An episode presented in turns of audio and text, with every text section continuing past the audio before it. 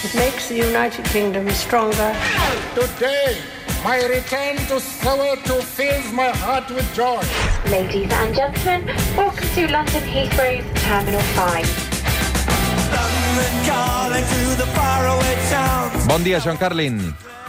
Bon dia, Roger Escapa. Portem ja nou dies de guerra des que Rússia va envair Ucraïna i sembla que la, la invasió va més lenta del que es preveia en un primer moment, no, John?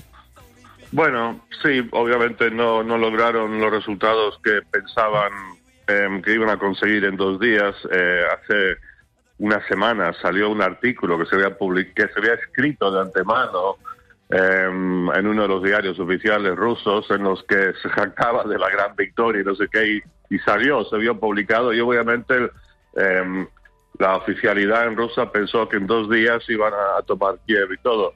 Pero bueno, pero ahora parece que, que, se están redoblando o triplicando los esfuerzos militares, están causando más y más devastación y están tomando mayores y mayores trozos del, del, país. La verdad que para mí es el único tema que hay en el mundo, y no se lo digo a nivel periodístico, vivo absolutamente hipnotizado, obsesionado por esto, sigo todas las noticias, leo artículos, estoy leyendo un libro, una historia de, Rusia, de Rusia, estoy leyendo una biografía de Putin. Eh, es que todo lo demás, de repente, todos los temas que hemos hablado nosotros a lo largo de los años, todos de repente parecen tonterías irrelevantes. Mm.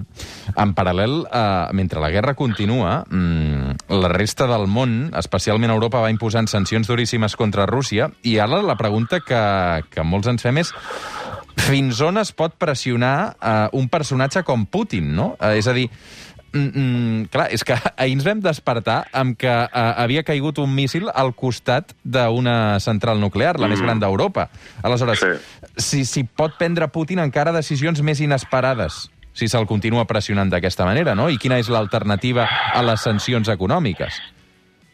Mira, está claro que, que Putin habita una realidad paralela. O sea, yo creo que queda cada día más claro que, que, que, está, no sé exactamente cómo definiría su condición, pero algún tipo de anormalidad mental tiene. No sé si viste ayer que aparece en la televisión rusa y dice, o sea, con toda seriedad, no tenemos ninguna malas intenciones eh, con nuestro país vecino. O sea, todo lo que dice es absolutamente al revés de la verdad.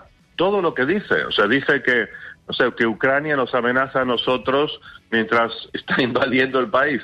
O sea, es tremendo. Entonces, sí, o sea, lo, lo, lo, ¿cómo, cómo, ¿cómo se llega a una especie de acuerdo? ¿Cómo se presiona a una persona que es manifiestamente irracional y que además, lo tremendo, como hemos comentado que antes, él solo lo decide todo. En tiempos del, del Partido Comunista, de la Unión Soviética, en tiempos de Khrushchev, Brezhnev y tal, tomaban decisiones conjuntas. Se reunía el, el, el Politburó y, y lo debatían. Esto es Putin solo, es absolutamente medieval. Eh, las sanciones a él no le van a afectar para nada.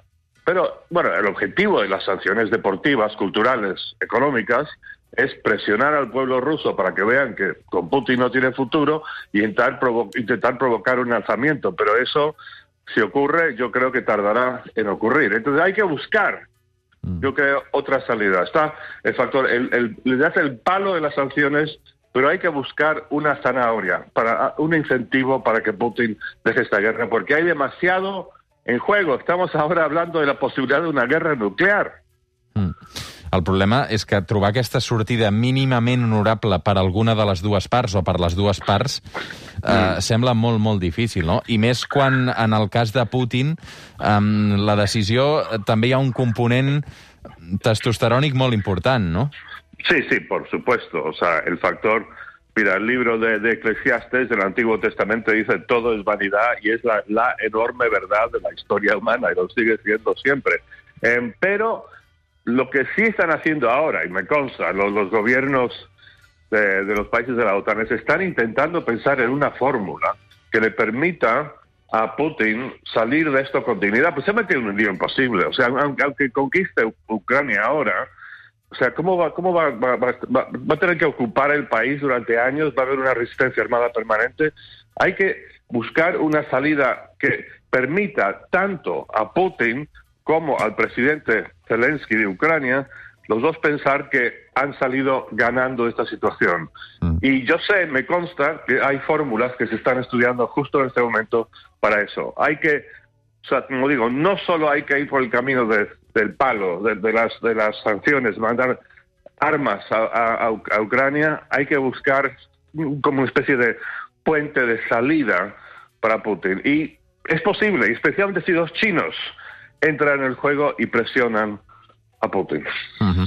Aquesta és una de les claus també que apunta la diplomàcia i que avui hi ha també molts diaris mirant cap a la Xina com a la clau de volta per intentar desllorigar tot plegat. Uh, mentrestant, uh, hem anat veient també aquests oligarques uh, russos establerts, per exemple, molts a Londres, no? com pot ser el cas de Roman Abramovich, Sí. que es deia que era proper a Putin i que de moment es ven al Chelsea. Sí, bueno, mira, los oligarcas, estos famosos, eh, con esta obscena riqueza que tienes, bueno, cada vez que vemos aquí en las costas de, Cataluña, de, las Baleares, uno de estos fantásticos yates de 100 metros, siempre sabemos que pertenecen a un oligarca ruso y ahora los británicos por fin, muy, muy por fin, los están presionando, le están congelando sus bienes, pero aquí, aquí no, no, no, está la solución. O sea, los oligarcas no tienen poder sobre Putin. Putin tiene poder sobre los oligarcas. Lo que hay que hacer es, no sé, a través de, de- de la opinión pública rusa, afectar, a, afectar la forma de pensar de los generales y de la gente más cercana en el mundo político ruso e intentar provocar una rebelión. Todos los expertos que he escuchado y leído dicen que es poco probable, pero quién sabe, porque de repente los militares pueden pensar, pero ¿qué estamos haciendo aquí? Y seguro que muchos lo están pensando. Así que, o sea, la solución más apetecible es que derroquen a Putin mañana pasado, sería lo mejor. Pero eso es complicado y quizá hay que buscar una salida diplomática, algo que le permita a él salir con lo que él piensa es honor y poder venderlo como una victoria al pueblo ruso. Sigui com sigui, qui acabarà sortint perdent passi el que passi serà eh, els russos, no? Um, que ara es veuen assenyalats i que segurament els condemna una pobresa eh, per les properes dècades i, i potser tornen a la casella de sortida eh, dels 80 un cop va caure la URSS, no? Sí, bueno, es que eh, todas estas sanciones económicas, deportivas, culturales, están convirtiendo em, a, Rusia en, en- Corea del Norte, en, un, en el país leproso. Y yo no sé hasta cuándo van a pillar exactamente eh, el lío del que es responsable Putin. O sea, si, hay un día que se despiertan y lo ven con claridad, o sea, se tienen que, que- que alzar contra, contra él. O sea, es tremendo que un hombre solo esté causando tanto daño a Ucrania y también a su propio país. John Carlin, uh, moltes gràcies. Avui arribarem a les 9 amb aquesta cançó que sona de fons i és que Rússia participarà... Uh, no, Rússia no hi participarà, Ucraïna participarà a Eurovisió. Avui arribem amb la cançó que Ah. proposa uh, Ucraïna. Moltes gràcies, John. Una abraçada. Bon dissabte. Una buena tarde.